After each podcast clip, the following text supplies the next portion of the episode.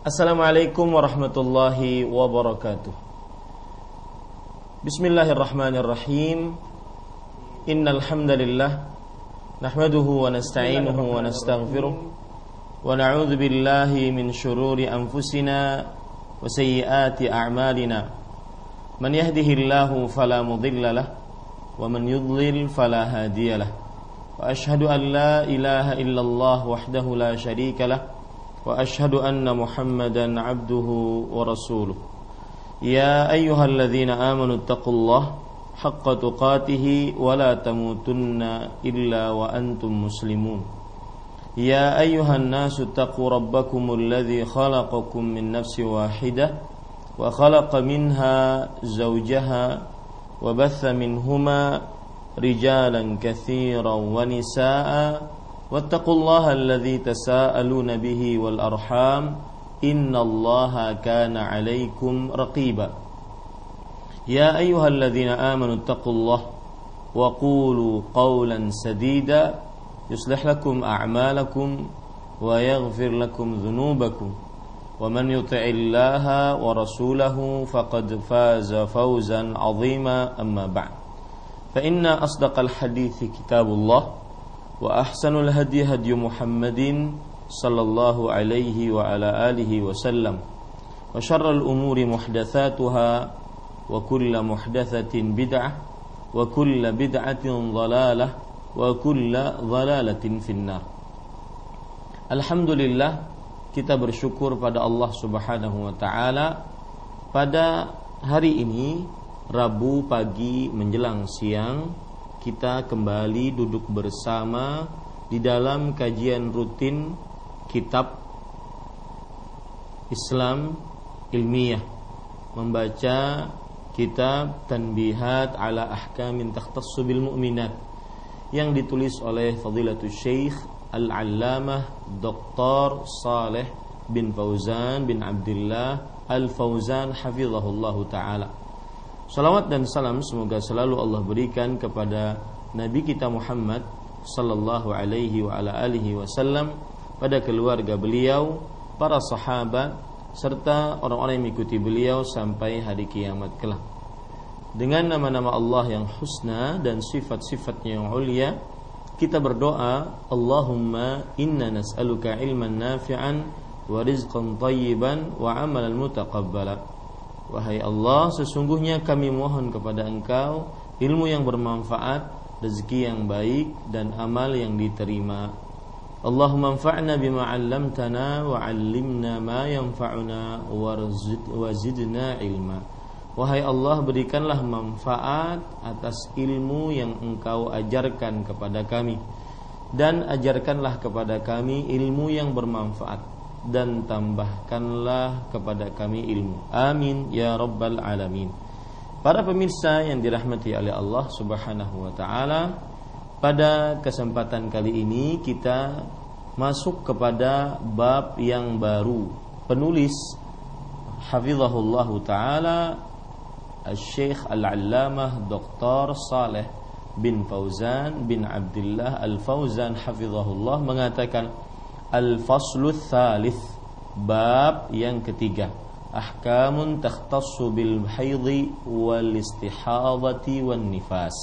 Hukum-hukum yang khusus berkaitan dengan haid, istihadah dan nifas. Para pemirsa yang dirahmati oleh Allah Subhanahu wa taala Bab yang ketiga ini berkaitan dengan hukum-hukum yang berkaitan dengan darah kebiasaan para wanita yaitu haid, istihadah dan nifas. Inilah darah-darah kebiasaan wanita, haid, istihadah dan nifas. Para pemirsa yang dirahmati oleh Allah Subhanahu wa taala, kita baca apa yang disebutkan oleh penulis hafizahullah taala. Qala al-musannif rahimahullah penulis rahimahullah hafizahullah taala berkata al-haidhu fil lughati huwa sayalan. Haid menurut bahasa artinya adalah genangan air. haid menurut bahasa artinya adalah genangan air. Seperti orang Arab mengatakan hadal wadi idza sala. Artinya lembah menjadi ataupun eh, bukan lembah al-wadi adalah ya lembah menjadi tergenang jika mengalir airnya jika mengalir airnya dan makna daripada haid yaitu idza sala damuha jika seorang wanita keluar atau mengalir darahnya. Ini haid secara bahasa sebagaimana artinya disebutkan di dalam kitab Al-Qamusul Muhit. Di dalam kitab Al-Qamusul Muhit. Taib. Qala al-musannifu rahimahullah hafizahullah wal haidhu syar'an damun yakhruju min qa'ri rahimil mar'ah fi awqatin ma'lumah min ghairi maradin wala isabah. Adapun menurut pengertian hukum agama haid adalah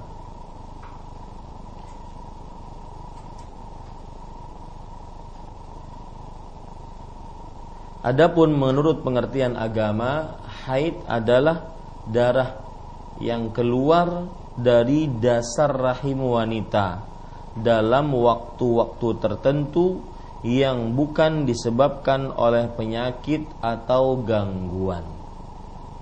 Lihat pengertian yang disebutkan oleh penulis darah yang keluar dari rahim dasar rahim wanita.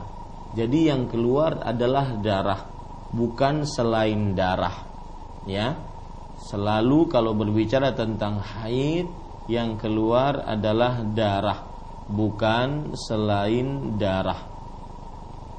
Dan para ikhwan yang dirahmati oleh Allah Subhanahu wa taala, darah bisa nantinya berwarna hitam pekat sebagaimana yang disebutkan dalam hadis-hadis.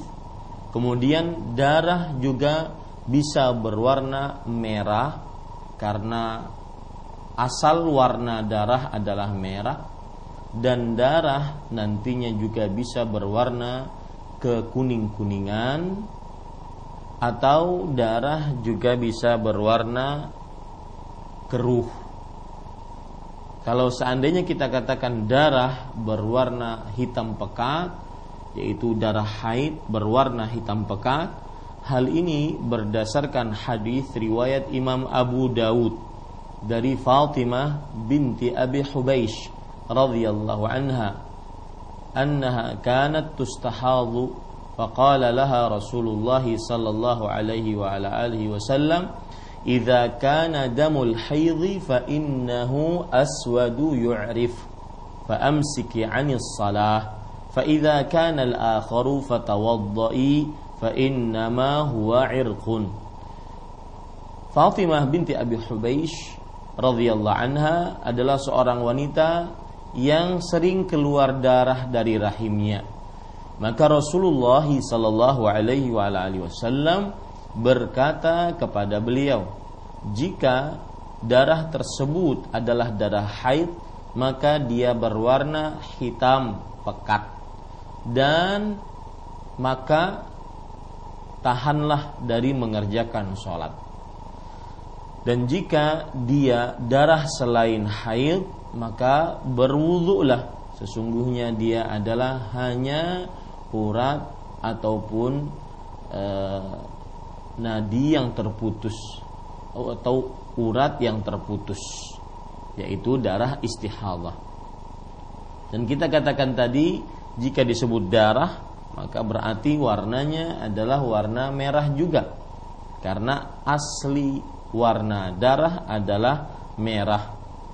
Kemudian bisa dikatakan yaitu darah yang keluar di sini nanti bisa berwarna kekuning-kuningan dan juga bisa berwarna yaitu keruh. Sebagaimana hadis yang diriwayatkan oleh Imam Bukhari Imam Abu Dawud, Imam Hakim dan yang lainnya dari Ummu Atiyah radhiyallahu anha. Beliau berkata kunna la na'uddul qudrata was-sufrata ba'da tuhri syai'an. Kita para wanita tidak menganggap haid darah yang berwarna keruh dan kekuning-kuningan setelah suci dari haid kita tidak anggap itu darah haid sama sekali. Baik, kita lanjutkan. Adapun menurut pengertian hukum agama, haid adalah darah yang keluar dari dasar rahim wanita. Perhatikan kata-kata dasar rahim wanita. Ini nanti yang membedakan antara darah istihadah dengan darah haid. Jika darah istihadah, maka pengertiannya adalah dari permukaan rahim. Adapun darah haid adalah dari dalam rahim atau dasar rahim. Ya. Ini bedanya. Ada darah yang keluar dari dasar rahim wanita. Kata wanita menunjukkan bahwa darah tersebut adalah khusus dimiliki oleh para wanita dan laki-laki tidak memilikinya dalam waktu-waktu yang tertentu. Para ikhwan yang dirahmati oleh Allah Subhanahu wa taala, waktu-waktu yang tertentu kebiasaan besar para wanita mempunyai waktu-waktu tertentu yang merupakan kebiasaan keluarnya darah haid bagi wanita yang bukan disebabkan oleh penyakit atau gangguan. Yang bukan disebabkan oleh penyakit atau gangguan. Jadi memang itu adalah darah kebiasaan, bukan darah yang merupakan penyakit atau gangguan. Kalau penyakit seperti misalkan e, urat putus ataupun pembuluh darah pecah yang menyebabkan akhirnya keluar darahnya maka ini disebut dengan istihadah. Ya bukan karena sakit bukan karena terluka bukan karena jatuh bukan karena e, melahirkan. Tetapi dia adalah darah yang merupakan kebiasaan para perempuan. Dan darah kebiasaan ini karena dia kebiasaan para perempuan maka tentunya para perempuan berbeda-beda tabiatnya berbeda-beda, lingkungannya, cuacanya, maka pada saat itu haid pun di antara para perempuan berbeda-beda. Tidak satu waktu tetapi pada waktu-waktu tertentu untuk setiap para perempuan. Kemudian penulis Hafizahullah taala berkata, "Wa inna ma huwa syai'un jabalahu Allah alaihi banati Adam khalaqahu Allah fir rahimi li taghdhiyatil waladi fir rahmi waqtal hamli thumma yatahawwalu labanan ba'da wiladatihi. Artinya tetapi itu merupakan kebiasaan yang Allah Subhanahu wa taala tetapkan pada wanita Allah menciptakannya dalam rahim untuk persediaan makanan bagi bayi selama di dalam kandungan. Lalu ia akan berubah menjadi susu setelah anak itu dilahirkan.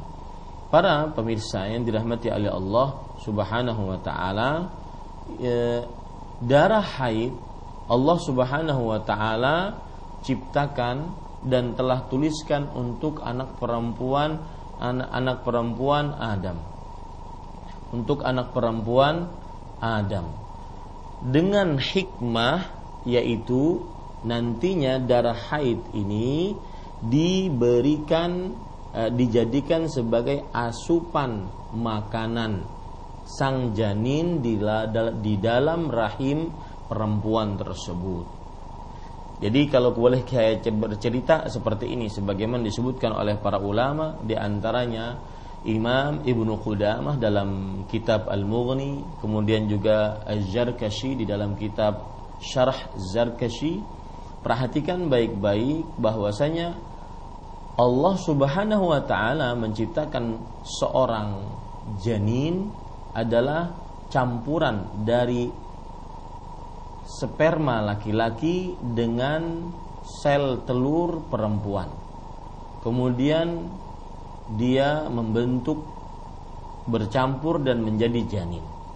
Allah Subhanahu wa taala memberikan makanan kepada janin tersebut di dalam rahim dengan darah haid dari jalan rahasia yaitu dari jalan e, plasenta yang bisa masuk ke dalam janin tersebut. Oleh sebab itulah kebanyakan wanita yang hamil tidak haid. Kenapa? Karena darah haidnya berubah menjadi asupan makanan bagi sang janin. Jika seorang perempuan tersebut telah melahirkan, maka keluarlah as, e, jan, janin tersebut menjadi cabang bayi. Maka terputuslah asupan makanan dari e, tubuh sang ibu kepada bayi tersebut. Maka karena terputus sedangkan bayi ini harus makan dan dia tidak sanggup untuk mencerna makanannya, dengan kondisi perut yang masih lemah, kondisi pencernaan yang masih lemah, maka Allah Subhanahu wa taala dengan hikmahnya menjadikan asupan makanan yang berasal dari darah haid tersebut berubah menjadi ASI, air susu ibu. Ya, air susu ibu. Oleh karenanya, ya, wanita yang menyusui kebanyakan tidak hamil, eh tidak eh, haid maksud saya. Kenapa? Karena air susunya, haidnya berubah menjadi air susu. Nah, apabila seorang wanita sudah tidak hamil, sudah tidak menyusui, maka tetaplah darah tersebut di tempatnya, kemudian dia keluar pada waktunya yang telah ditentukan oleh Allah Subhanahu wa taala setiap bulan sekitar 6-7 hari kebanyakan pada para wanita. Kadang bertambah, kadang berkurang, kadang memanjang, kadang memendek sesuai dengan kehendak Allah Subhanahu wa taala dalam tabiat perempuan tersebut. Ini hikmah dari keberadaan darah haid. Ya, hikmah dari keberadaan darah haid. Kemudian kita baca lagi apa yang disebutkan oleh penulis. Hafizahullah taala fa idza lam takunil mar'atu hamilan wala murdi'an baqiya hadha ad-damu la musarrifun laha la musarrifa lahu fayakhruju fi awqatin ma'lumah tu'rafu bil 'adah aw ad-dawrah asy-syahriyah maka apabila seorang wanita tidak sedang mengandung dan juga tidak sedang menyusui, darah ini tetap ada dan tidak ada penggunaannya. Maka ia akan keluar pada waktu-waktu tertentu yang dikenal sebagai kebiasaan wanita atau menjadi rutinitas bulanan. Ini sudah kita bahas tadi ya. Kemudian qala al-musannif rahimahullah penulis hafizahullah taala berkata as-sinnul ladzi tahidhu fihil mar'ah. Umur wanita mengalami haid. Maksudnya adalah berapa kira-kira berdasarkan dalil-dalil yang ada umur wanita mengalami haid. Apakah ada batasannya di dalam ayat-ayat Al-Qur'an atau hadis-hadis Rasul sallallahu alaihi wa ala alihi wasallam? Apakah ada batasan minimal kapan perempuan anak perempuan mendapatkan darah haid atau adakah batasan maksimal berapa tahun perempuan mendapatkan e, darah haid dan pada waktu itu kalau sudah sampai kepada tahun tersebut maka kira-kira berapa setelah itu tidak keluar lagi darah haid? Berapa umurnya pada waktu itu? Apakah ada batasan-batasan di dalam syariat Islam? Kita baca apa yang disebutkan oleh penulis Hafizahullah Ta'ala. Qala al-musannif Hafizahullah Ghaliban aqallu sinnin tahidhu fihi al-mar'atu Tis'u sinin ila khamsina sanah. Qala Ta'ala Wallai ya'isna minal mahidhi min nisaikum. In irtabtum fa'iddatuhunna thalathatu ashhur Wallai lam yahidhan Perhatikan baik-baik Menurut kebiasaan uh, penulis Hafizahullah taala berkata menurut kebiasaan haid terjadi pada wanita sekurang-kurangnya mulai umur 9 tahun sampai menjelang umur 50 tahun. Allah Subhanahu wa taala berfirman yang artinya dan perempuan-perempuan yang putus dari haid atau menopause di antara perempuan-perempuanmu jika kamu ragu tentang masa iddahnya maka iddah mereka adalah tiga bulan. Dan begitu pula perempuan-perempuan yang tidak haid. Quran surat Talak ayat 4 penulis Hafizahullah Ta'ala berkata Fallai ya isna man balagna khamsina sana Wallai lam yahidna hunna sigaru duna tisa' Adapun pengertian perempuan-perempuan yang putus dari haid, maksudnya yang tidak lagi mengalami haid, yaitu menafous, yaitu wanita yang mencapai 50 tahun. Dan yang dimaksud dengan perempuan yang tidak haid yaitu perempuan yang di bawah 9 tahun yang masih termasuk anak-anak yang belum mengalami haid. Ini pendapat yang disebutkan oleh penulis. Para ikhwan yang dirahmati oleh Allah, kita ambil pelajaran dari apa yang disebutkan oleh penulis. Beliau membatasi bahwa darah haid kebanyakan wanita 9 tahun paling e, mulai mendapatkan darah haid dan sampai 50 tahun. Jadi di sana ada batas waktu paling minimal mendapatkan haid dan ada batas waktu paling maksimal mendapatkan haid. Ini pendapat penulis Hafizahullah taala. Para pemirsa yang dirahmati oleh Allah Subhanahu wa taala, di sana terdapat pendapat lain yaitu bahwasanya tidak ada di dalam Al-Qur'an dan hadis-hadis yang sahih. Pembatasan dengan tegas tentang umur kapan pertama kali haid dan umur kapan paling terakhir haid. Belum ada ya coba perhatikan perkataan Imam Ad-Darimi rahimahullahu taala sebagaimana yang disebutkan oleh uh, Ibnu Utsaimin rahimahullah di dalam kitab beliau Ad-Dima At-Tabi'iyah lin Nisa darah kebiasaan wanita. Imam Ad-Darimi mengatakan kullu hadza indi khata' lianna al-marji'a fi jami'i dzalika ila al-wujud seluruh pembatasan-pembatasan tersebut menurut saya adalah keliru. Karena pokok pengembalian semuanya di dalam perkara tersebut dikembalikan kepada keberadaan uh, haid. Keberadaan haid. Fa ayyu qadrin wujida fi ayyi halin wa sinnin wajaba ja'luhu haidan dalam jumlah berapapun terdapat darah haid dalam keadaan dan umur berapapun maka wajib dijadikan darah tersebut adalah darah haid. Wajib dijadikan darah tersebut adalah darah haid. Jadi ini pendapat yang kedua.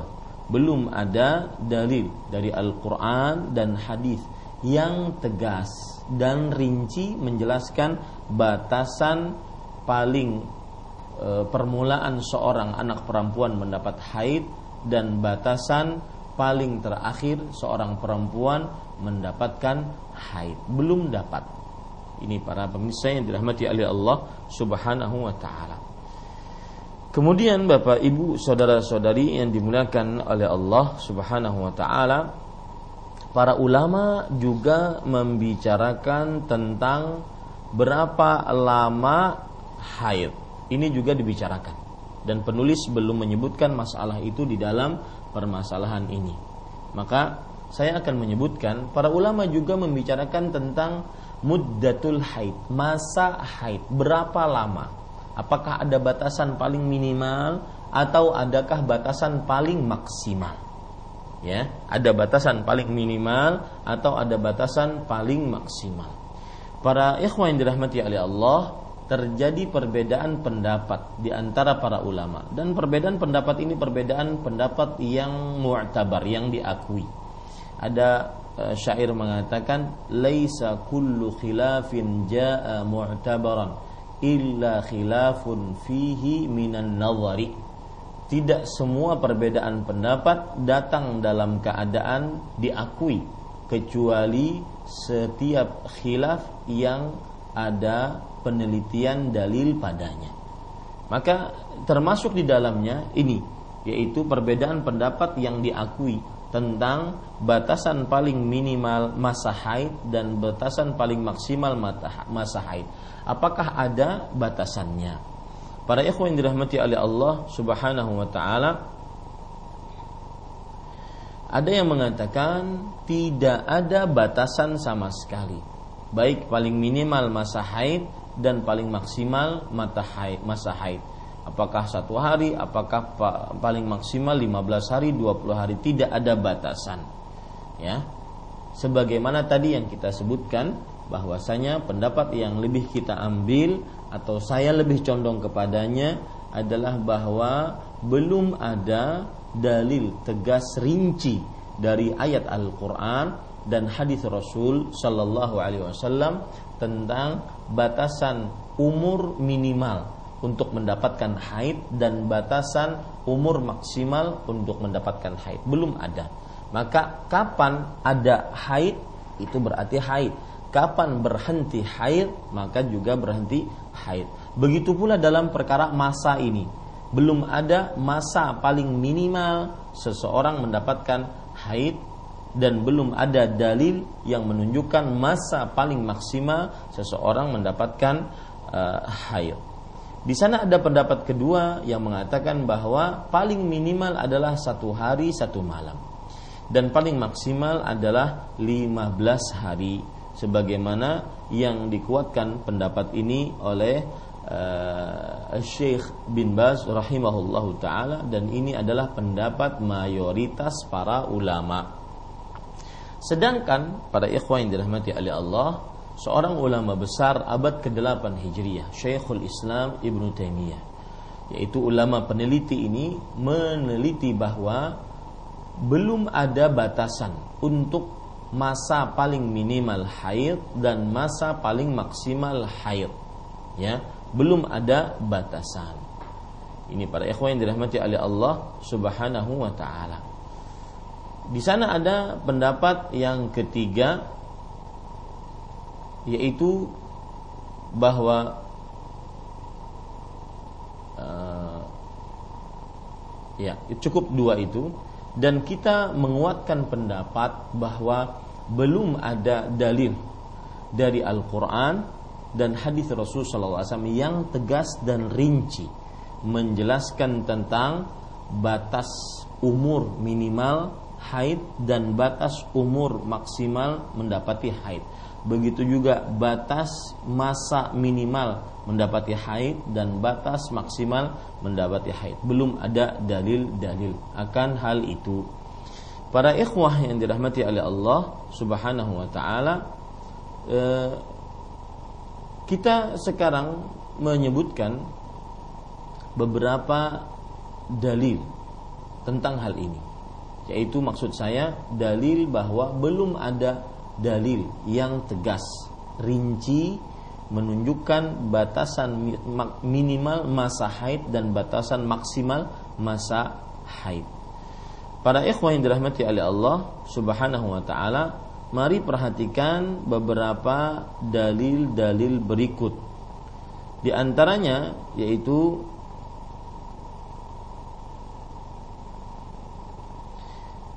dalil-dalil yang menunjukkan akan hal ini adalah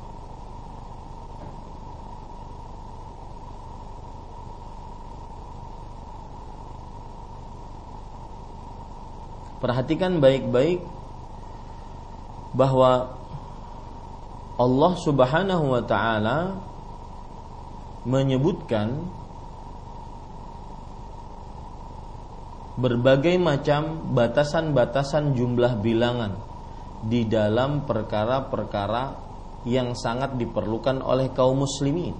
Di antaranya yaitu perihal sholat, puasa, nikah, talak, kemudian hukum warisan dan hukum-hukum lainnya. Allah Subhanahu wa taala menjelaskan tentang jumlah bilangan rakaat solat, jumlah solat, waktu-waktunya. Allah Subhanahu wa taala menjelaskan tentang nisab zakat, kemudian berapa zakat, ke mana dikeluarkan, ke berapa, kepada berapa orang. Di dalam masa dalam permasalahan puasa Allah Subhanahu wa taala menjelaskan waktunya dan masanya. Di dalam masalah haji Allah Subhanahu wa taala dalam dan juga hadis Rasul SAW menjelaskan masanya dan juga waktunya. Ini semua menunjukkan bahwasanya Allah Subhanahu wa taala akan menjelaskan jika memang ada batasan-batasannya. Dan Allah berfirman dalam surat An-Nahl ayat 89, "Wa nazzalna 'alaikal kitaba tibyanan likulli syai'." Dan sungguh kami telah turunkan kepadamu Alkitab sebagai penjelas untuk segala sesuatu. Begitu juga disebutkan oleh Allah dalam surat Yusuf ayat 111.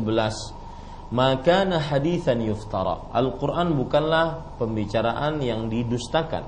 Walakin tasdiqal ladhi baina yadayhi wa tafsila kulli syai. Akan tetapi Al-Quran adalah membenarkan membenarkan orang-orang sebelum eh, membenarkan kabar-kabar kitab-kitab sebelumnya dan penjelasan yang rinci untuk segala sesuatu. Maka ketika belum terdapat batasan rincian di dalam Al-Qur'an dan di dalam hadis-hadis Rasul Shallallahu alaihi wasallam tentang batasan umur minimal wanita mendapatkan haid dan batasan umur maksimal wanita mendapatkan haid dan juga batasan masa minimal wanita haid dan batasan masa maksimal wanita haid. Ini menunjukkan bahwa belum ada e, belum belum terdapatnya batasan-batasan tersebut ya. Belum terdapatnya batasan-batasan tersebut. Coba perhatikan perkataan Syekhul Islam Ibnu Taimiyah. Beliau mengatakan wa min ismul haid. Dan dari hal itu adalah kata haid allaqallahu bihi ahkaman muta'addidah fil kitab wa sunnah. Allah Subhanahu wa taala mengaitkan darah haid ini uh, hukum-hukum yang bermacam-macam di dalam Al-Qur'an dan sunnah. Dikaitkan darah haid dengan hukum-hukum dalam Islam yang bermacam-macam. Walam yuqaddar li aqallihi wala aktsarihi dan Allah belum membatasi untuk paling jumlah minimalnya dan paling maksimalnya. Wala tuhru bainal haidhatain ma'a umumi bal wal ummah. Dan juga tidak menjelaskan tentang kesucian masanya di antara dua haid. Padahal kebanyakan para wanita mendapati perkara ini. Wahtiyajuhum ilaih. Dan mereka sangat memerlukan hukum hukum ini. Wal lughah la tufarriqu baina qadar wa qadar. Dan bahasa tidak membedakan antara batasan ini dengan batasan ini. Famin qudira fi dzalika haddan faqad khalafal kitab wa sunnah. Maka barang siapa yang membatasi dengan sebuah batasan yang belum dibatasi Al-Quran dan Sunnah maka dia berarti menyelisih Al-Quran dan Sunnah. Karena para ulama juga mengatakan bahwa ta'khirul bayan an waqtil hajah la yajuz. Artinya mengakhirkan penjelasan tatkala penjelasan tersebut diperlukan maka hal ini tidak diperbolehkan. Kemudian pada ikhwan yang dirahmati oleh Allah Subhanahu wa taala eh, kita baca selanjutnya jadi pendapat yang paling kuat wallahu alam bahwa seorang wanita yang haid belum ada dalil yang tegas dan rinci tentang umur minimal mendapati haid dan umur maksimal mendapati haid. Belum juga ada masa minimal mendapati haid dan masa maksimal mendapati haid. Taib. Ini Bapak, Ibu, saudara-saudari yang dimuliakan oleh Allah Subhanahu wa taala. Kita lanjutkan sekarang apa yang disebutkan oleh penulis. Qala al-musannifu rahimahullahu taala ahkamul haid. Ahkamul haid. Para ikhwah yang dirahmati oleh Allah Subhanahu wa taala, penulis berkata hukum-hukum haid.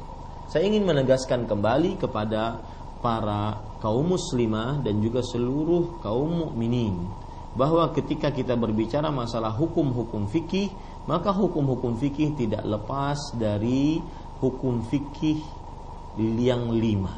Hukum fikih yang lima, yaitu wajib, mustahab, mubah, makruh, haram. Maka ketika, ketika dikatakan hukum-hukum haid, maksudnya adalah hukum-hukum fikih yang berkaitan dengan wanita yang sedang haid.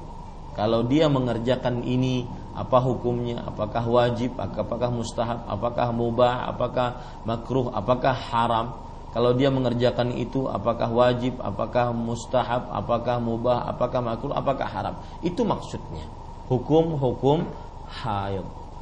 Kemudian penulis rahimahullahu taala hafizahullahu taala berkata yahrumu fi halil haidhi wad'uha fil farji diharamkan berjima yaitu berhubungan badan pada waktu haid Para ikhwan yang dirahmati oleh Allah Subhanahu wa taala, kata-kata wad'uha fil farji yaitu di sini diterjemahkan berjima berhubungan badan kalau diterjemahkan letterlek secara bahasa maka menggaulinya di dalam kemaluan atau pada kemaluan.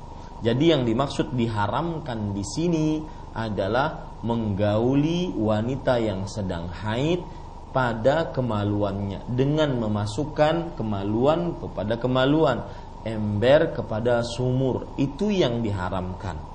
Dan saya ingin menegaskan kembali meskipun sudah saya sebutkan beberapa di dalam beberapa pertemuan, salah satu hukum fikih di dalam Islam adalah haram.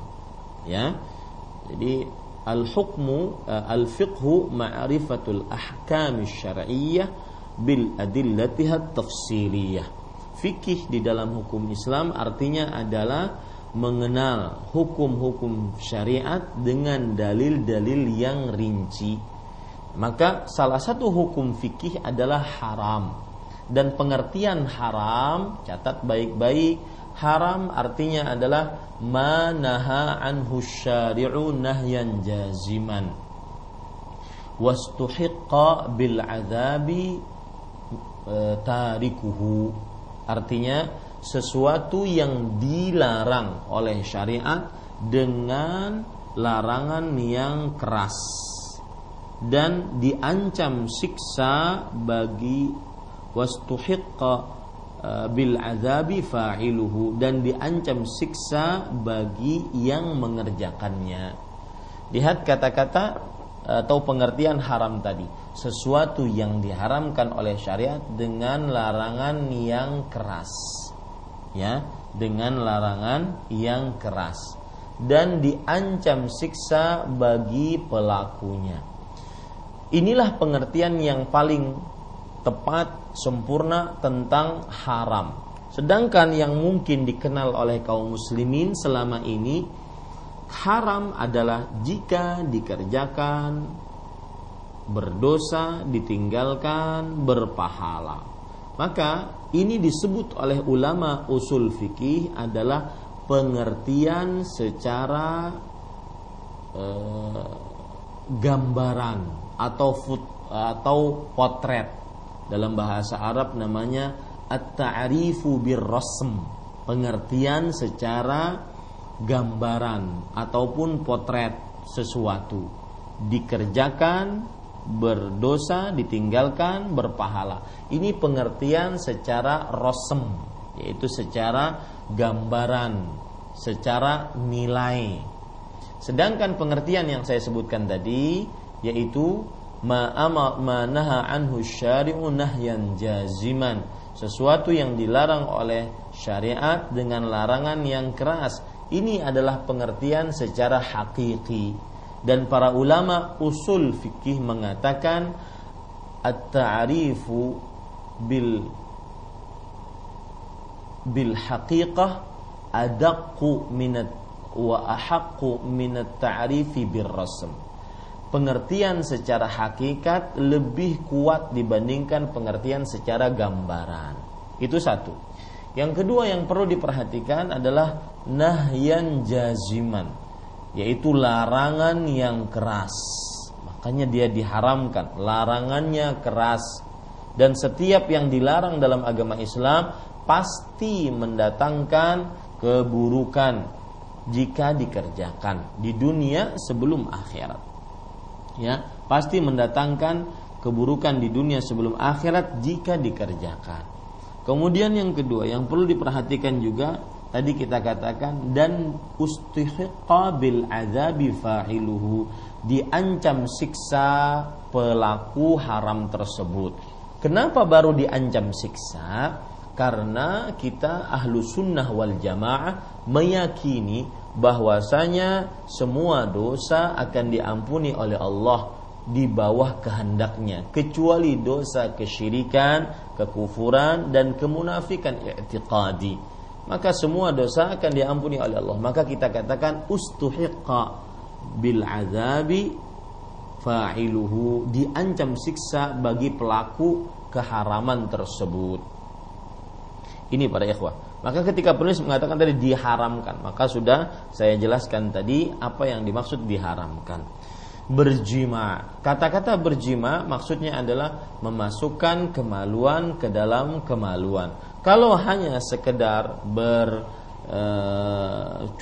e, atau hanya sekedar mohon maaf berpelukan, berciuman, mengelus, saling merayu dan semisalnya maka ini tidak diharamkan. Karena yang diharamkan adalah bergaul badan dan memasukkan kemaluan pada kemaluan. Para pemirsa yang dirahmati oleh Allah Subhanahu wa taala, Rasulullah sallallahu alaihi wa ala alihi wasallam bersabda, "Isna'u kulla syai'in illa nikah." Artinya, buatlah segala sesuatu kecuali nikah.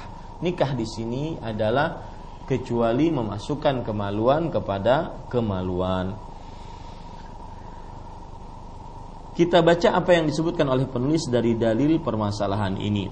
Qala al-musannifu rahimahullahu taala liqaulihi ta'ala wa yas'alunaka 'anil mahid qul huwa adhan fa'tazilun nisaa fil mahid wa la taqrabuhunna hatta yadhhurn fa idza tatahharna fa'tuhunna min haitsu amarakumullah innallaha yuhibbut tawwabin wa yuhibbul mutatahhirin Eh, Al-Quran surat Al-Baqarah surat yang kedua ayat 222 yang artinya mereka bertanya kepadamu. Mereka di sini adalah orang-orang muslimin ataupun orang-orang kafirin dari kaum Yahudi dan Nasrani mereka bertanya kepadamu mu di sini adalah Rasulullah sallallahu alaihi wasallam tentang haid katakanlah haid itu adalah kotoran dari sini sebagian ulama mengatakan darah haid adalah darah najis. Oleh sebab itulah hendaklah kamu menjauhkan diri dari wanita di waktu haid. Yang menjauhkan diri maksudnya di sini adalah tidak menggaulinya di kemaluannya. Bukan berarti menjauhkan diri seperti orang-orang Arab jahiliyah yang mana mereka menjauhi wanita-wanita yang haid, mereka masukkan ke dalam kurungan, mereka tidak e, gauli, tidak dibicarai, tidak dimakani dan semisalnya, tidak dibiarkan mandi atau yang semisalnya. Tetapi yang dimaksud di sini adalah menjauhkan diri dari wanita, maksudnya tidak menggaulinya pada kemaluan. Dan janganlah kamu mendekati mereka sebelum mereka suci. Mendekati di sini maksudnya adalah menggaulinya. Sebelum mereka suci, maksudnya di sini adalah suci dari haidnya kemudian mandi. Dan suci dari haid pada ikhwan yang dirahmati oleh Allah Subhanahu wa taala e, batasannya ataupun tandanya disebutkan oleh Aisyah radhiyallahu anha tentang tanda-tanda seorang wanita suci dari haid. Yang pertama adalah keluarnya lendir putih atau yang disebut dengan al-qissatul bayda, keluarnya lendir putih yaitu sebagaimana hadis yang diriwayatkan oleh Imam Malik dalam kitabnya Al-Muwatta. Aisyah radhiyallahu anha berkata la ta'jalanna hatta tarayinna al-qissatal bayda. Janganlah kamu tergesa-gesa saya ulangi, janganlah kamu wahai wanita sekali-kali tergesa-gesa sampai kamu melihat lendir putih. Itulah tanda suci. Ya, karena di dalam ayat disebutkan janganlah kamu mendekati mereka sebelum suci. Suci yang dimaksud di sini ada dua tandanya. Yang pertama yaitu keluarnya lendir putih. Yang kedua sangat kering, tidak ada bercak sedikit pun. Kemudian setelah itu baru mandi apabila mereka telah suci yaitu telah bersih dari haid kemudian mandi maka campurilah mereka di tempat yang Allah perintahkan kepadamu. Kata-kata campurilah di sini perintah dari Allah Subhanahu wa taala. Apakah memang demikian? Dan asal hukum perintah adalah wajib. Wa dan juga asal hukum perintah ya dulu alal faur menunjukkan kepada kelangsungan. Maksudnya kapan istri suci dari haid mandi langsung digauli. Kalau seandainya itu perintah wajib maka berarti yang tidak menggaulinya berdosa. Kemudian kalau seandainya itu perintah wajib maka harus dikerjakan dengan segera. Maka harus dikerjakan dengan segera. Akan tetapi yang dimaksud dengan campurilah yaitu e, kata perintah di sini bukan berarti menunjukkan kepada kewajiban dan bukan juga dikerjakan Eh, dalam waktu itu sesegera mungkin tidak. Sesungguhnya Allah menyukai orang-orang yang bertobat dan menyukai orang-orang yang mensucikan dirinya. Tadi saya sebutkan tanda haid yang kedua adalah kering, ya kering ketika dimasukkan e, kain ke dalam rahimnya maka tidak ada sedikit bercek pun. Ini adalah tanda dari tanda-tanda haid. Penulis hafizahullah taala berkata wa yastamirru hadha tahrim ila an yanqati'a anha khuruju damil haid wa taghtasil minhu haramnya jima pada waktu haid berlangsung hingga terhentinya darah haid dan setelah ia mandi darinya. Nah, ini sebagaimana sudah saya sebutkan tadi. Terhenti darah haidnya berarti suci tetapi dia harus mandi baru setelah itu bisa melaksanakan aktivitas-aktivitas yang uh, ada yang bisa dilakukan oleh seorang wanita suci lainnya. Liqaulihi ta'ala berdasarkan firman Allah Subhanahu wa taala wala taqrabuhunna hatta yathurna fa idza tatahharna fa'tuhunna min haitsu amarakumullah. Haramnya wanita jika eh, pada waktu haid berlangsung hingga terhentinya darah haid dan setelah itu ia mandi darinya Hal ini berdasarkan firman Allah Subhanahu wa taala dan yang artinya dan janganlah kamu mendekati mereka sebelum mereka suci. Apabila mereka telah suci maka campurilah maka di tempat yang Allah perintahkan kepadamu. Campurilah mereka di tempat yang Allah perintahkan kepadamu. Maksudnya adalah pada kemaluan perempuan tersebut. Ini e, Bapak, Ibu, saudara-saudari yang dimuliakan oleh Allah Subhanahu wa taala. Kemudian perhatikan lagi dibolehkan bagi suami untuk bercumbu dengan istrinya. Penulis hafizahullah taala berkata, "Wa yubahu li zaujil haidhi an yastamti'a minha bima dunal jima' fil farji." Dibolehkan bagi suami untuk bercumbu dengan istrinya yang sedang haid selain jima, yaitu melakukan hubungan badan di kemaluan. Berdasarkan sabda Nabi Muhammad sallallahu alaihi wasallam isna'u kulla syai'in illa nikah. Lakukanlah apa saja kepada istri kalian maksudnya istri kalian yang sedang haid kecuali nikah yaitu kecuali hubungan badan memasukkan kemaluan kepada kemaluan. Hadis riwayat Imam Muslim. Para ikhwah yang dirahmati oleh Allah Subhanahu wa taala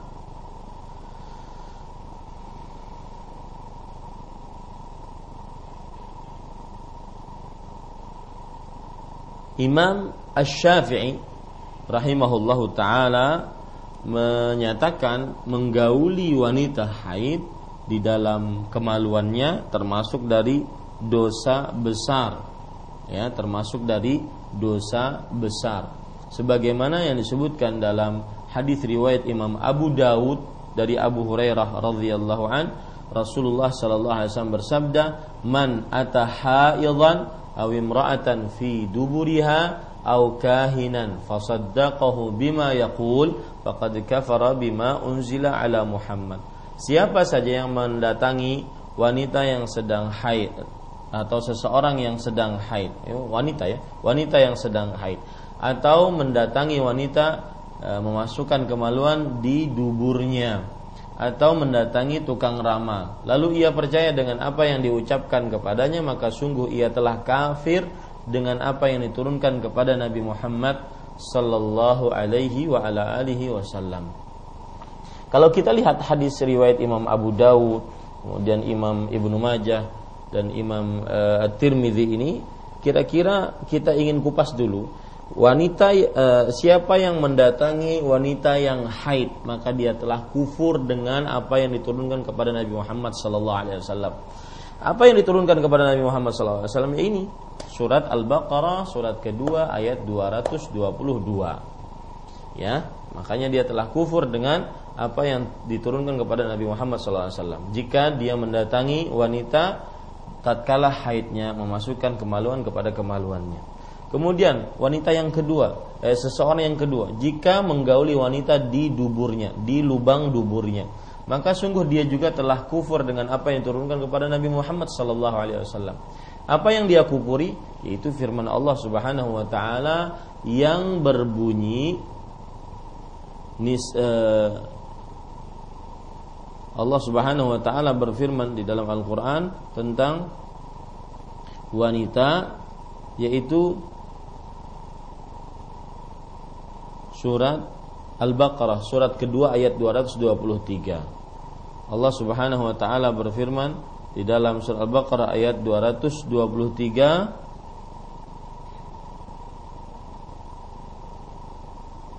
Istri-istrimu adalah eh, nisa'ukum harthul lakum fa'tu harthakum anna syi'tum. Istri-istrimu adalah seperti tanah tempat bercocok tanam maka datangilah tempat tanah tepat bercocok tanam itu bagaimana saja yang kamu kehendaki.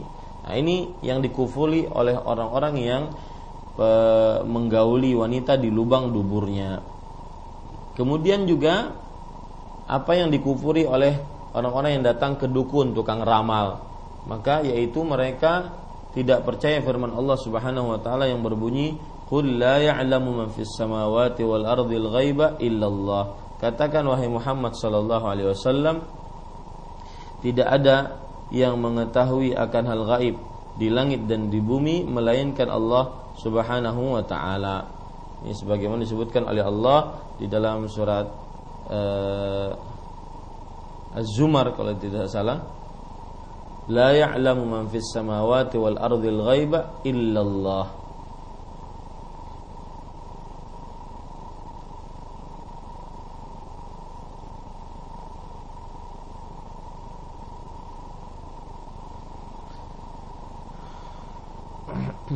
Ya, surat An-Naml maksud saya surat ke-27 ayat 65. Ya.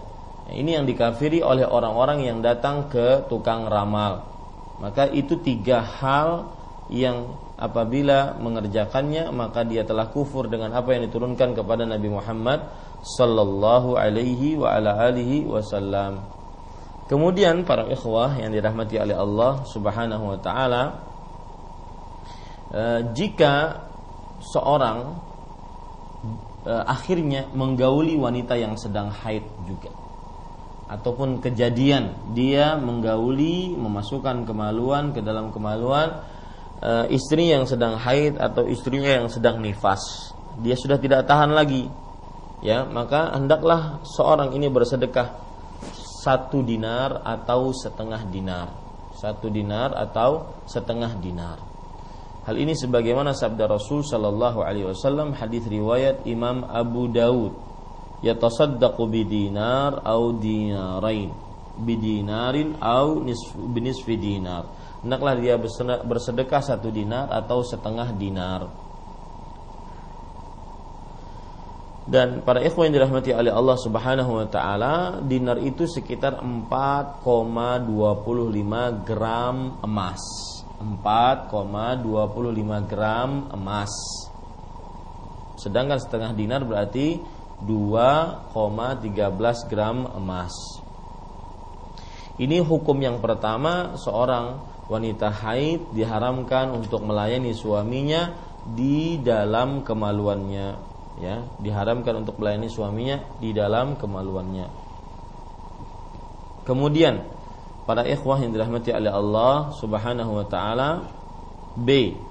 Penulis hafizahullah taala berkata tatrukul haidhu as-sawma was-salata fi muddati haidhiha wa yahrumu 'alaiha fi'luhuma wa la yasihhani minha wanita yang sedang haid tidak boleh melaksanakan puasa dan sholat selama ia berada dalam masa haidnya tidak boleh melaksanakan e, puasa dan sholat maksudnya di sini adalah haram. Ya maksudnya di sini adalah haram. Makanya saya kemudian mengatakan keduanya diharamkan dan haid menstruasi membatalkan puasa dan sholat. Ya. Para ikhwan yang dirahmati oleh Allah Subhanahu wa taala dan e, tidak sah kalau seandainya seorang wanita haid memaksakan dirinya untuk sholat. Tidak sah. Bahkan dia terancam berdosa Penulis kemudian hafizahullah taala mengatakan liqaulihi sallallahu alaihi wasallam idza alaysa idza hadatil mar'atu lam tusalli wa lam tasum. Muttafaqun alaih. Nabi Muhammad sallallahu alaihi wasallam bersabda bukankah apabila seorang wanita sedang haid ia tidak mengerjakan sholat juga tidak berpuasa? Para pemirsa yang dirahmati oleh Allah Subhanahu wa taala Di sana berbagai macam dalil ya yang menyebutkan bahwa seorang wanita tatkala haid diharamkan untuk mengerjakan sholat. Di antara dalil-dalil yang ada adalah hadis riwayat Imam Bukhari dan Muslim dari Fatimah binti Abi Hubeish bahwa Rasulullah Shallallahu Alaihi Wasallam bersabda kepadanya, "Zalika irqun wa bil haidhah." Itu adalah pembuluh darah yang pecah dan dia bukan haid. Fa idza aqbalatil haidatu fada'is salah. Dan jika datang haid maka tinggalkanlah salat. Lihat kata-kata tinggalkanlah salat. Wa idza adbarat faghtasili wa salli. Dan jika telah selesai masa haid maka mandilah dan sholatlah ini juga dalil yang menunjukkan bahwa ma, e, haid tatkala haid dilarang untuk mengerjakan sholat. Kemudian para ikhwah yang dirahmati oleh Allah Subhanahu wa taala dilarang juga berpuasa. Di sini penulis menyebutkan kata-kata puasa. Ya, dalil yang menunjukkan akan hal ini adalah yaitu hadis riwayat Imam Bukhari dari Abu Sa'id Al-Khudri radhiyallahu anhu Rasul sallallahu alaihi wasallam bersabda, "Alaisa idza hadat lam tusalli wa lam tasum?" Bukankah apabila wanita tersebut sedang haid, ia tidak mengerjakan sholat dan juga tidak berpuasa. Ini dalil-dalil yang menyebutkan bahwa seorang yang wanita yang haid diharamkan untuk sholat dan berpuasa. Kemudian penulis Hafizahullah Ta'ala berkata فَإِذَا idza taharat tahurat taharatil haidhu fa innaha taqdi shauma wa apabila telah suci dari haid wajib mengkodok membayar puasanya. Akan tetapi ia tidak mengkodok salat. Ya.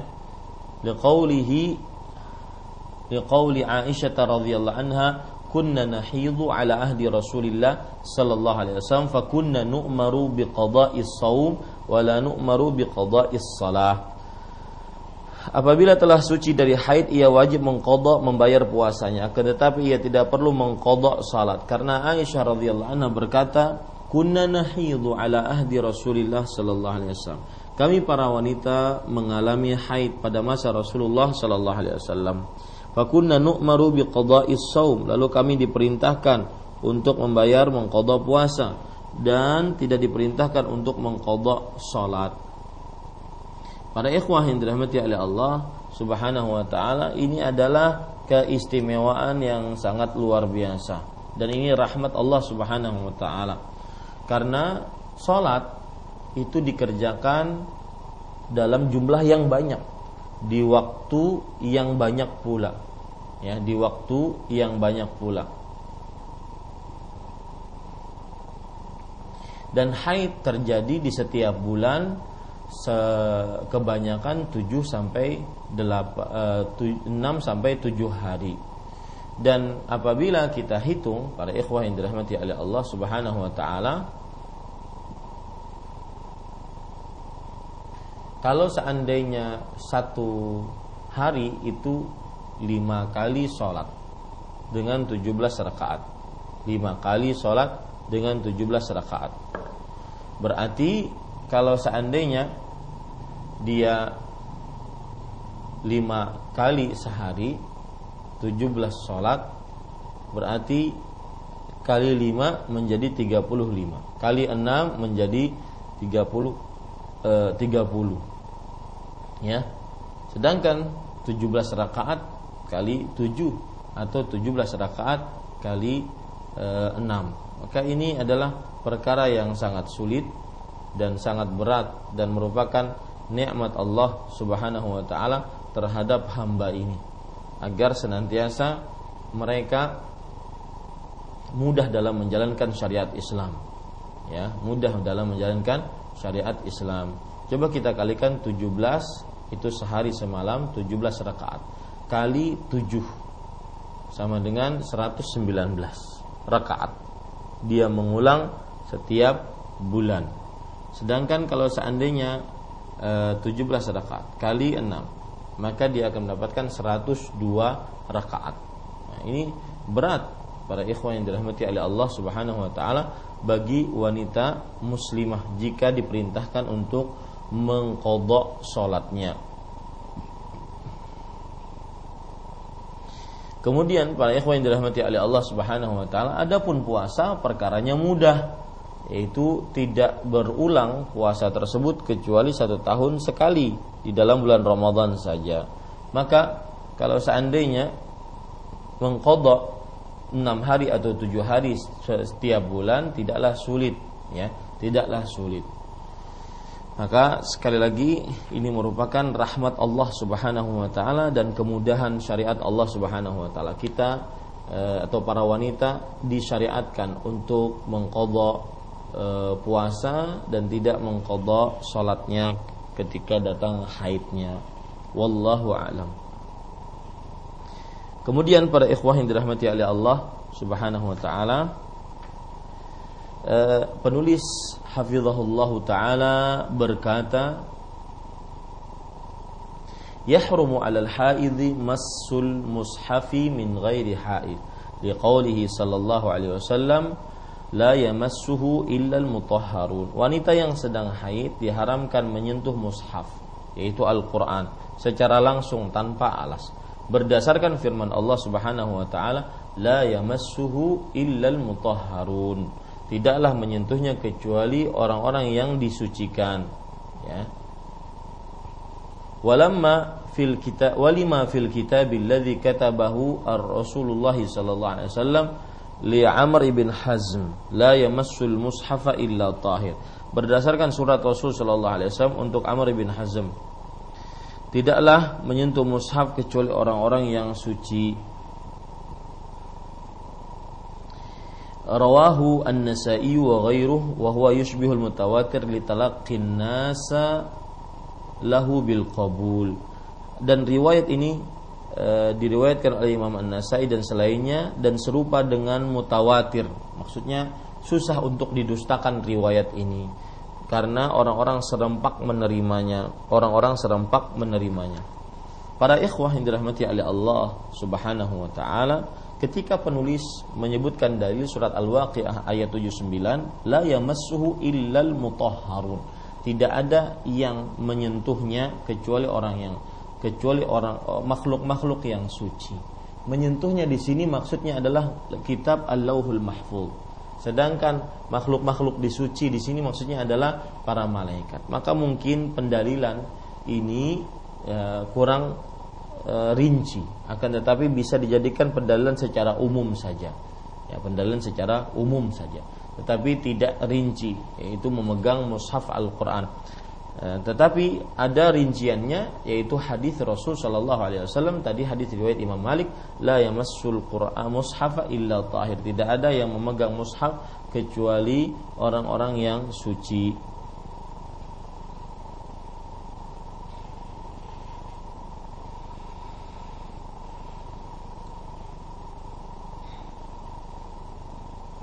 Kemudian para ikhwah yang dirahmati oleh Allah Subhanahu wa taala memegang mushaf diperbolehkan.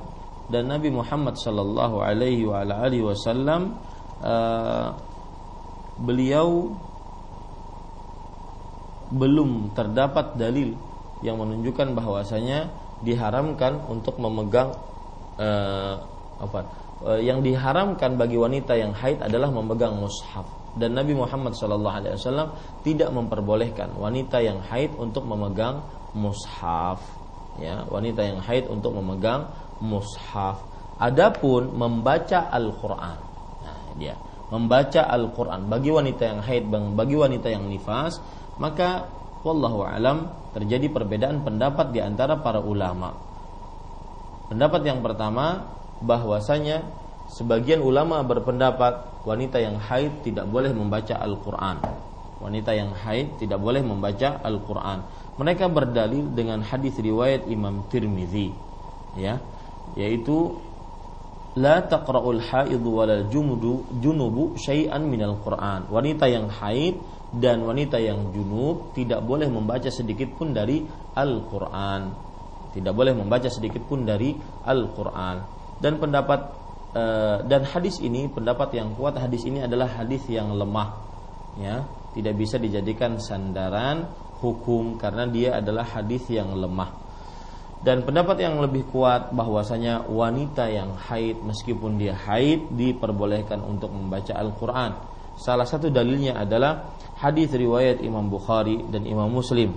Dari Aisyah radhiyallahu anha Rasul sallallahu alaihi wasallam bersabda kepada Aisyah If'ali ma yaf'alul hajj ghaira alla tatufi bil bait. Wahai Aisyah yang berihram dalam keadaan haid, maka kerjakanlah sebagaimana wanita-wanita eh, sebagaimana orang-orang yang menunaikan ibadah haji. Apa saja pekerjaan haji kerjakan kecuali selain tawaf di Baitullah.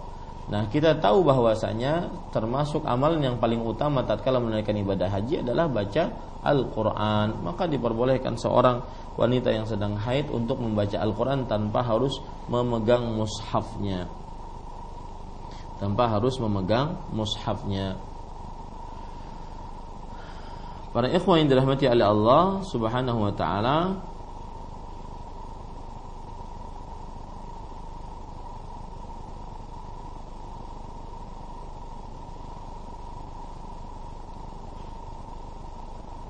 Taib. Eh, kira-kira itu dulu yang kita bisa sampaikan pada kesempatan kali ini bahwa hukum-hukum yang berkaitan dengan wanita haid yang pertama tadi wanita haid diharamkan berjima melayani suaminya di kemaluannya. Kemudian yang kedua wanita yang sedang haid diharamkan untuk sholat dan berpuasa kemudian yang ketiga wanita yang sedang haid diharamkan untuk memegang mushaf. Adapun membaca Al-Qur'an maka pendapat yang lebih kuat wallahu alam tidak diharamkan. Wallahu alam. Nah, kita kembalikan kepada Akh Ari atas uh, pembawaan acaranya. Wallahu alam. Kembalikan kepada Akh Ari atas uh, pembawaan acaranya. Wallahu alam. Nah, Ustaz Barakallahu Fik wa Jazakallahu Khairan. Terima kasih atas waktu yang luang saya sempatkan untuk kami menyimak secara langsung kajian yang saya sampaikan kesempatan pagi hari ini.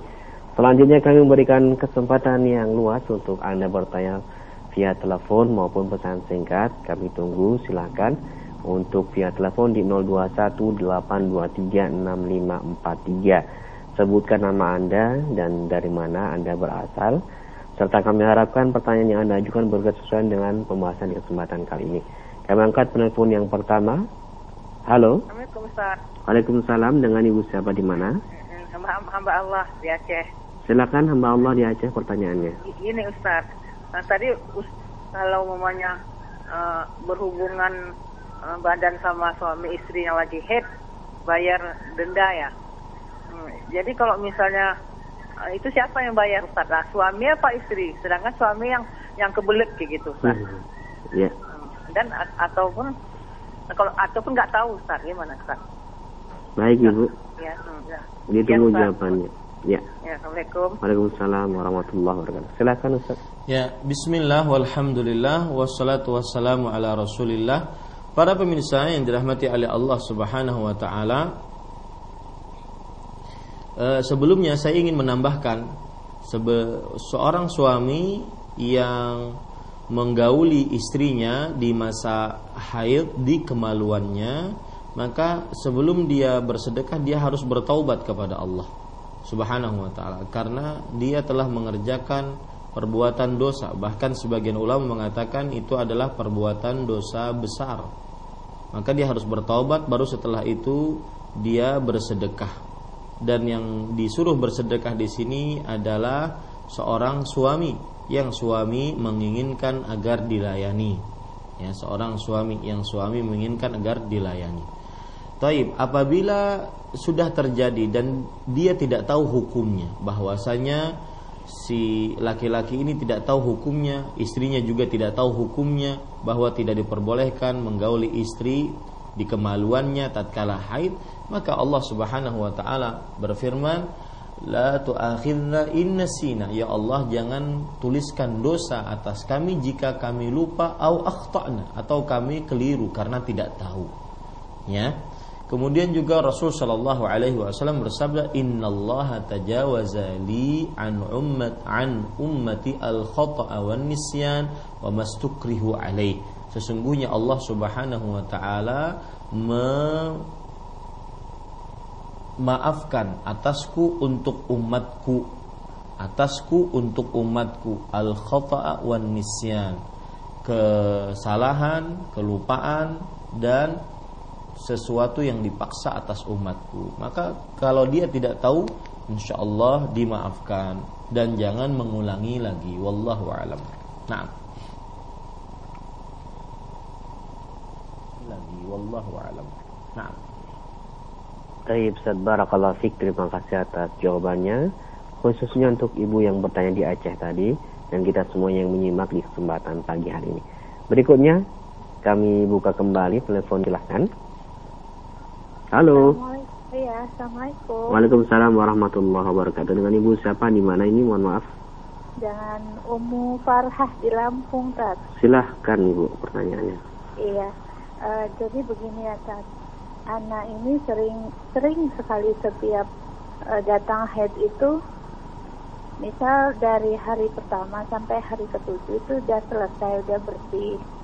Kemudian saya mandi jenabah.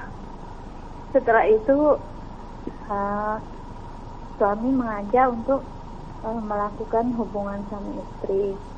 Cuman setelah itu keluar lagi darah darah headnya itu tad. Nah itu bagaimana? Apakah itu masih termasuk darah head apa sudah uh, darah lain lagi gitu tad? Baik ibu. Terima kasih atas pertanyaannya dan ditunggu jawabannya. Waalaikumsalam warahmatullahi wabarakatuh. Waalaikumsalam warahmatullahi wabarakatuh. Jazakillahu khairan atas pertanyaannya ibu yang berada di Lampung kalau tidak salah. Maka jawabannya sebelum saya kasih jawaban, saya ingin memberikan nasihat dulu kepada ibu dan juga seluruh kaum muslimah bahwa eh, amalkanlah nasihat dari Aisyah radhiyallahu anha wa ardhaha. Yaitu beliau mengatakan la ta'jalanna hatta tarayinnal qissatal bayda. Wahai perempuan janganlah sekali-kali kamu tergesa-gesa menentukan berhenti darah haidmu sampai kamu melihat lendir putih. Ya. Dan saya berpesan juga bahwa syaitan mengganggu manusia dengan cara yang bermacam-macam. Jika wanita tersebut ahli ibadah, maka wanita tersebut jika haid dia akan dibisiki oleh syaitan. Ayo kamu sudah suci, ayo silahkan mandi. Kamu sudah suci, ayo silahkan mandi. Sudah terlalu lama kamu tidak sholat, sudah terlalu lama kamu tidak baca Quran dan semisalnya. Yang yang membuat akhirnya perempuan tersebut memutuskan untuk cepat-cepat bersuci dan akhirnya setelah suci kemudian ternyata keluar lagi. Ini yang akhirnya membuat dia bingung.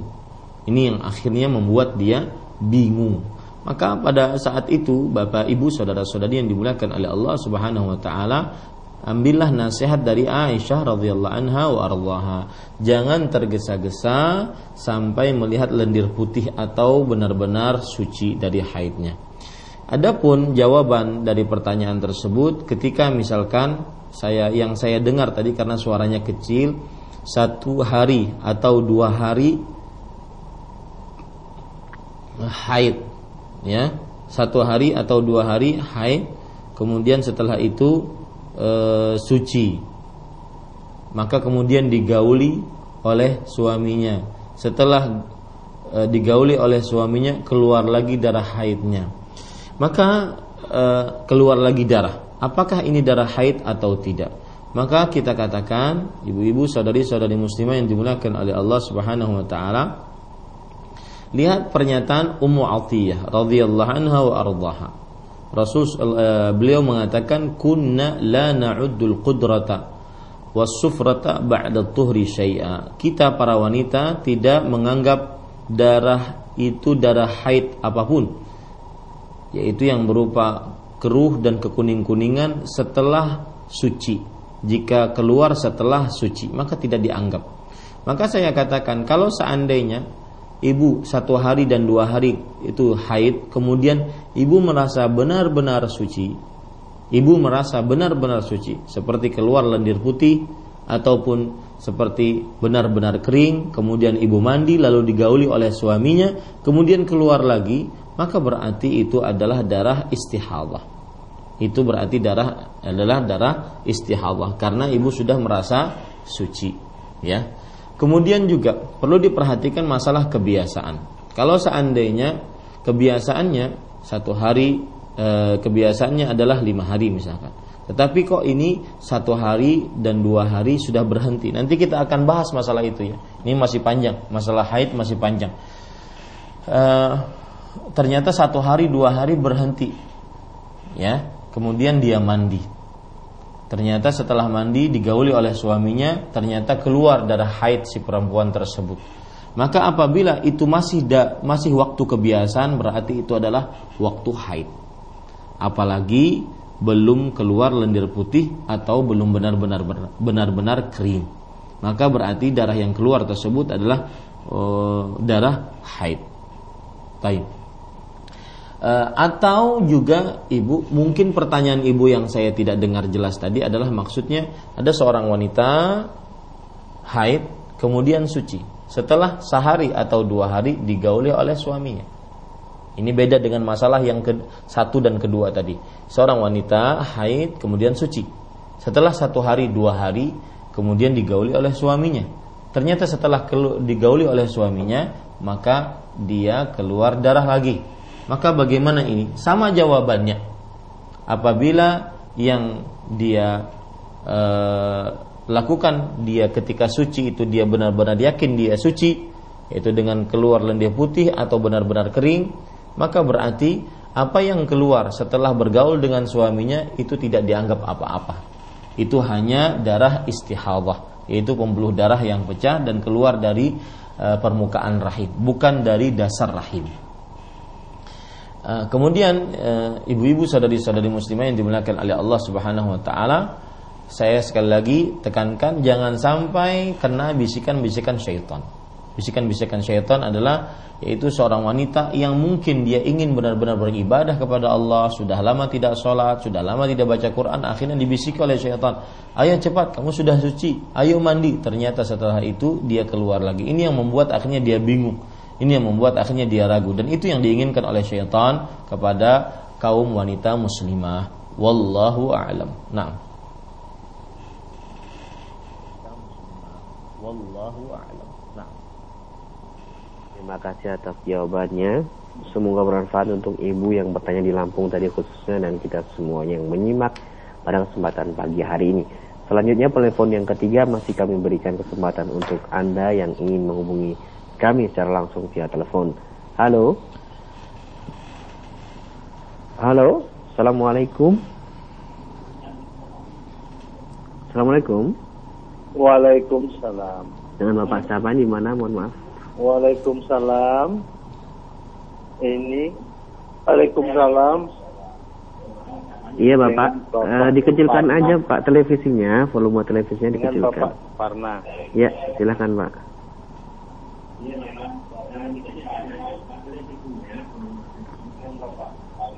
Ya, ini Pak, saya punya istri yang sampai satu bulan dua bulan haid terus. Ya haid terus.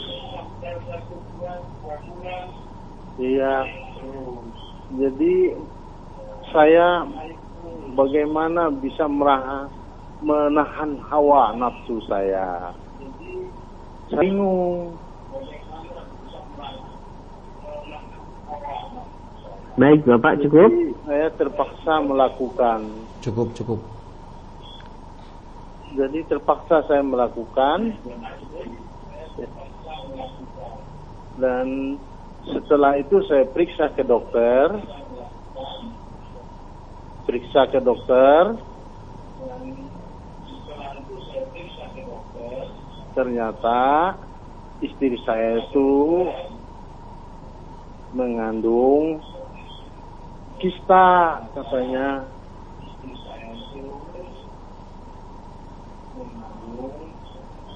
penyakit kista jadi mohon petunjuknya apakah saya berdosa atau bagaimana? Baik bapak. Ya.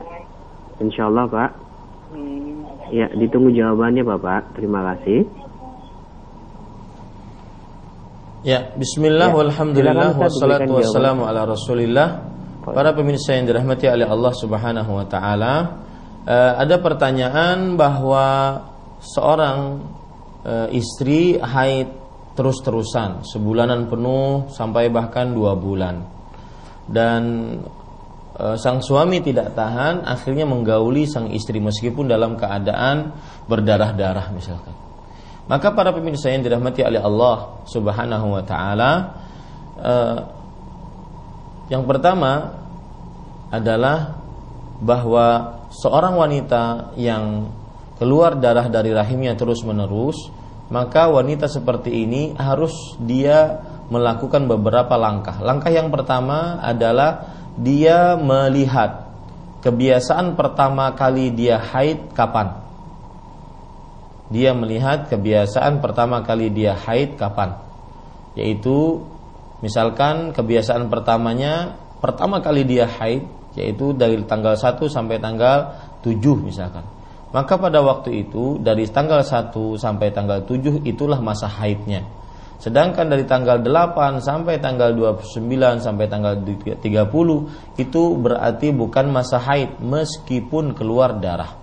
Ya berarti disebut dengan masa istihadhah bukan bukan masa haid. Dan wanita yang istihadhah seperti wanita suci lainnya dia mengerjakan apa pun yang dilakukan oleh wanita suci kecuali apabila ingin sholat dia membersihkan kemaluannya kemudian dianjurkan dia mandi kemudian dia berwudu lalu dia sholat. Itu saja bedanya antara wanita istihadah dengan wanita yang suci ya. Nah kalau seandainya wanita tersebut mampu, tidak mempunyai kebiasaan tidak mempunyai kebiasaan misalkan dia tidak mempunyai kebiasaan. Dari awal haidnya sudah bingung. Kadang begini kadang begini. Tidak tidak mempunyai kebiasaan. Maka pada saat itu dia lihat darahnya. Darah yang keluar. Apabila darah yang keluar tersebut hitam pekat menyengat baunya maka pada saat itu itulah darah haid. Ya pada saat itu itulah darah darah haid. Sebagaimana Nabi Muhammad sallallahu alaihi wasallam bersabda fa idza kana damul haidhi fa innahu aswadu yu'rif jika itu adalah darah haid maka dia e, hitam pekat dan baunya menyengat. Kalau seandainya tidak mempunyai kebiasaan, tidak bisa juga me, e, membedakan antara darah haid atau da, tidak haid, maka pada saat itu dia melihat kerabat-kerabat terdekatnya, ibunya, kakaknya, adiknya yang normal haidnya, maka ikuti kebiasaan mereka maka pada saat itulah dia mendapati waktu haid. Kalau sudah mendapati waktu haid berarti di luar itu berarti dia adalah darah istihadah. Nah, e, Bapak yang bertanya tadi, saya berharap semoga kita dosa-dosa kita diampuni oleh Allah Subhanahu wa taala dan di sinilah pentingnya menuntut ilmu agama agar kita tahu hukum-hukum yang sangat-sangat kita perlukan di dalam kehidupan kita sehari-hari terutama yang berkaitan dengan keagamaan, ibadah, amal saleh kepada Allah Subhanahu wa taala. Dan kalau seandainya sudah terjadi dan Bapak belum mengetahui hukumnya ataupun ragu-ragu, semoga Allah Subhanahu wa taala mengampuninya sebagaimana yang disebutkan oleh Allah Subhanahu wa taala dalam surah Al-Baqarah, "Rabbana la tu'akhidna in nasina wa akhtana." Ya Allah, jangan tuliskan dosa atas kami jika kami lupa atau kami keliru tidak tahu. Kemudian Rasul sallallahu alaihi wasallam juga bersabda, "Innallaha tajawaza li an ummati al-khata'a wan nisyana wa mastukrihu alaih." Sesungguhnya Allah memaafkan untukku atas umatku kesalahan, kekeliruan dan kelupaan serta sesuatu yang dipaksakan untuknya uh, dipaksakan atas umatku. Wallahu a'lam. Na'am. Wallahu a'lam. Syukran barakallahu fiik Ustaz. Terima kasih atas jawaban yang sangat bermanfaat ini. Semoga menjadi tambahan faedah untuk Bapak tadi yang bertanya khususnya dan kita semuanya Berikutnya kami akan beralih ke pesan singkat. Satu pertanyaan kami dari saudari Yani di Riau yang bertanya, Ustadz, apa hukumnya seorang wanita yang sedang haid melakukan akad nikah? Syukron Ustadz. Bismillah, walhamdulillah, wassalatu wassalamu ala rasulillah Terima kasih atas pertanyaannya Semoga kita semakin memahami agama Islam Sesuai dengan Al-Quran dan Sunnah yang dipahami oleh para salafus saleh maka jawabannya adalah tidak mengapa, belum ada larangan syar'i rinci, tegas, sahih dengan dalil yang sahih bahwa wanita yang sedang haid diharamkan untuk menikah. Belum ada dalil akan hal itu. Cuma apabila sudah terjadi akad nikah, maka sang suami harus menahan diri. Dia tidak boleh melakukan hubungan di kemaluan, hanya boleh mencumbu dan yang semisalnya. Wallahu a'lam.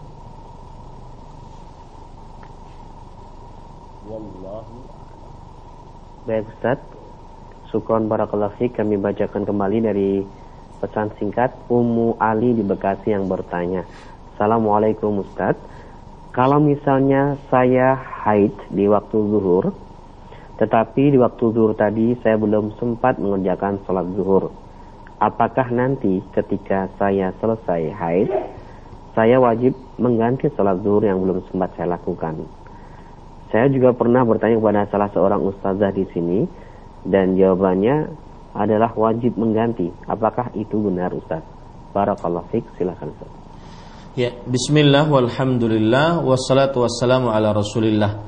Para pemirsa yang dirahmati oleh Allah Subhanahu wa taala, uh, jumhur ulama mengatakan jumhur di sini maksudnya adalah mayoritas ulama fikih mengatakan bahwa seorang wanita jika suci jika suci di atau jika haid maksud saya jika haid di waktu eh, sholat sedangkan waktu sholat tersebut sudah masuk waktunya dan mengerjakan sholat bisa mencapai satu rakaat maka e, berarti wanita tersebut dia mengkodok sholatnya maka berarti wanita tersebut mengkodok sholatnya ini menurut jumhur ya misalkan saya beri contoh e, zuhur di Banjarmasin jam 12.30 wita nah dia sudah jam 12.30 belum datang haid wanita ini. Azan zuhur belum datang haid. Kemudian jam 12.45 dia ingin e, berwudu, kemudian e, buang air kecil, ternyata dia melihat ada darah haid. Maka menurut jumhur ulama wanita seperti ini nanti kalau dia suci maka sholat zuhurnya tersebut dia qadha. Sholat zuhurnya tersebut dia qadha. E, di sana terdapat pendapat para ulama peneliti bahwasanya sholat zuhurnya ini dia tidak qadha.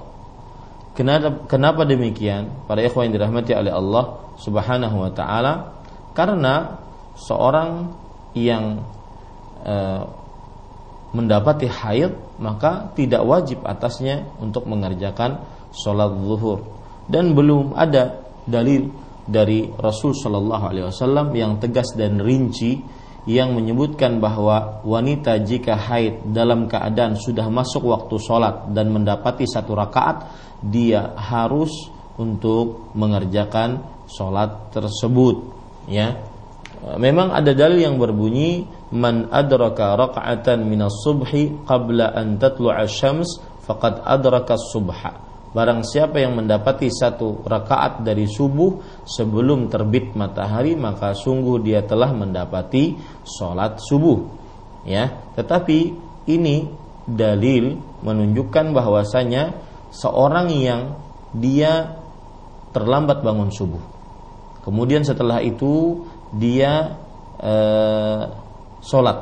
Dan sholatnya tersebut ya mendapati satu rakaat sebelum terbit matahari baru itu dinamakan sholat subuh. Adapun wanita haid saya belum mendapati ada dalil yang rinci dan tegas dari Rasul Shallallahu Alaihi Wasallam apabila wanita yang haid datang haid dan telah masuk waktu sholat ya dalam jumlah waktu satu rakaat dia nanti mengkodok di e, setelah dia suci. Saya belum dapati dalil yang rinci akan hal ini. Ya, wallahu a'lam. Yang rinci akan hal ini. Ya, wallahu a'lam. Baik, Ustaz Barakallahu wa jazakallahu khairan. Kami bacakan kembali pesan singkat dari Ummu Alif di Pekanbaru yang bertanya, Ustadz mengenai darah istihadah istihadah, bagaimana bila kondisi istri yang istihadah itu merasa lemah dan kekurangan darah? Haruskah tetap uh, melayani suami jika suami menghendaki berhubungan suami istri? Silakan. Mohon diulangi.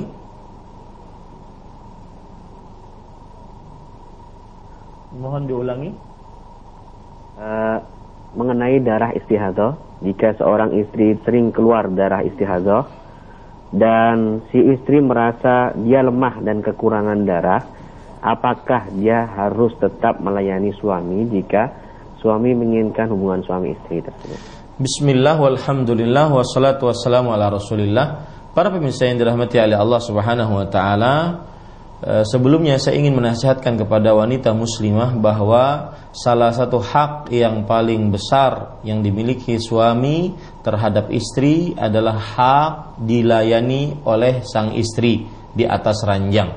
Bahkan eh, Rasulullah Shallallahu Alaihi Wasallam menyebutkan ancaman-ancaman di dalam hadisnya tentang wanita-wanita yang tidak melayani suaminya dan e, sebagian ulama menyatakan itu adalah dosa besar karena mendapatkan laknat dari para malaikat.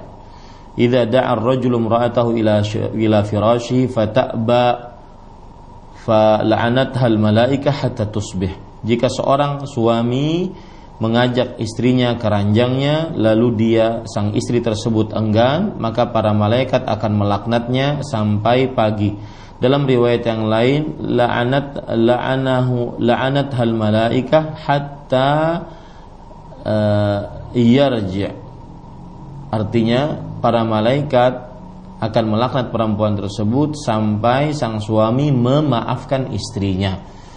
Ya, ada yang laknatnya sampai pagi, ada yang laknatnya sampai suami memaafkan istrinya. Maka ini berat dan termasuk hak yang sangat besar dimiliki oleh suami terhadap istrinya. Oleh karena itu sang sang istri tidak boleh meremehkan uh, pekerjaan ini dan hak suami ini dan tanggung jawab sang istri tersebut. Bahkan Rasul sallallahu alaihi wasallam bersabda fal ta'tihi wa in kanat 'ala tanur. Hendaklah perempuan tersebut melayani suaminya, menjawab ajakan suaminya meskipun dia sedang memanggang roti bakar di dalam tempat panggangan roti. Ya. Ini menunjukkan bahwasanya hancurnya roti tidak mengapa asalkan melayani suami. Karena jika suami dilayani, maka suami tidak akan masuk ke dalam e, jurang nistanya zina. Kemudian di dalam yang lain Rasul dalam riwayat yang lain Rasul SAW bersabda wa ingkana ala qatab meskipun itu di atas qatab. Qatab adalah pelana. Ya, pelana yang diletakkan di atas onta atau di atas hewan tunggangan. Meskipun sang suami sedang ingin dan itu dilakukan di atas qatab maka layanilah. Dan salah satu makna qatab yang lain adalah tempat duduk yang digunakan oleh wanita yang sedang ingin melahirkan maka pada waktu itu jika sang suami menginginkan sedangkan istrinya ingin melahirkan maka sang istri tetap wajib untuk melayani suaminya. Adapun kelemahan sang suami eh sang istri karena sering istihadah maka dia e, berhak untuk berobat, dia berhak untuk meminum vitamin-vitamin sehingga bisa fit untuk melayani suaminya. Karena kalau seandainya sang suami tidak dilayani dan e, mempu istri mempunyai kelemahan dalam masalah ini, maka sang suami berhak untuk mencari istri yang dapat melayaninya. Ya, karena salah satu uh, hubungan, salah satu uh, tujuan di dalam menikah adalah melampiaskan syahwat dengan cara yang halal, melampiaskan hawa uh, hawa nafsu ataupun syahwat dengan cara yang halal. Maka kalau seandainya sang istri istihadah kemudian lemah, sang istri harus memperkuat dirinya dengan memakan makanan yang bergizi ataupun minum obat-obatan yang menambah kekuatan ataupun dia memperbaiki kekuatan dirinya. Tetapi juga sang suami memperhatikan keadaan sang istri, jangan asal mau menangnya sendiri ini yang bisa saya sampaikan pada pertemuan kali ini. Wa sallallahu nabi Muhammad walhamdulillahi rabbil alamin. Insyaallah taala kita akan lanjutkan pada pertemuan yang akan datang. Wassalamualaikum warahmatullahi wabarakatuh.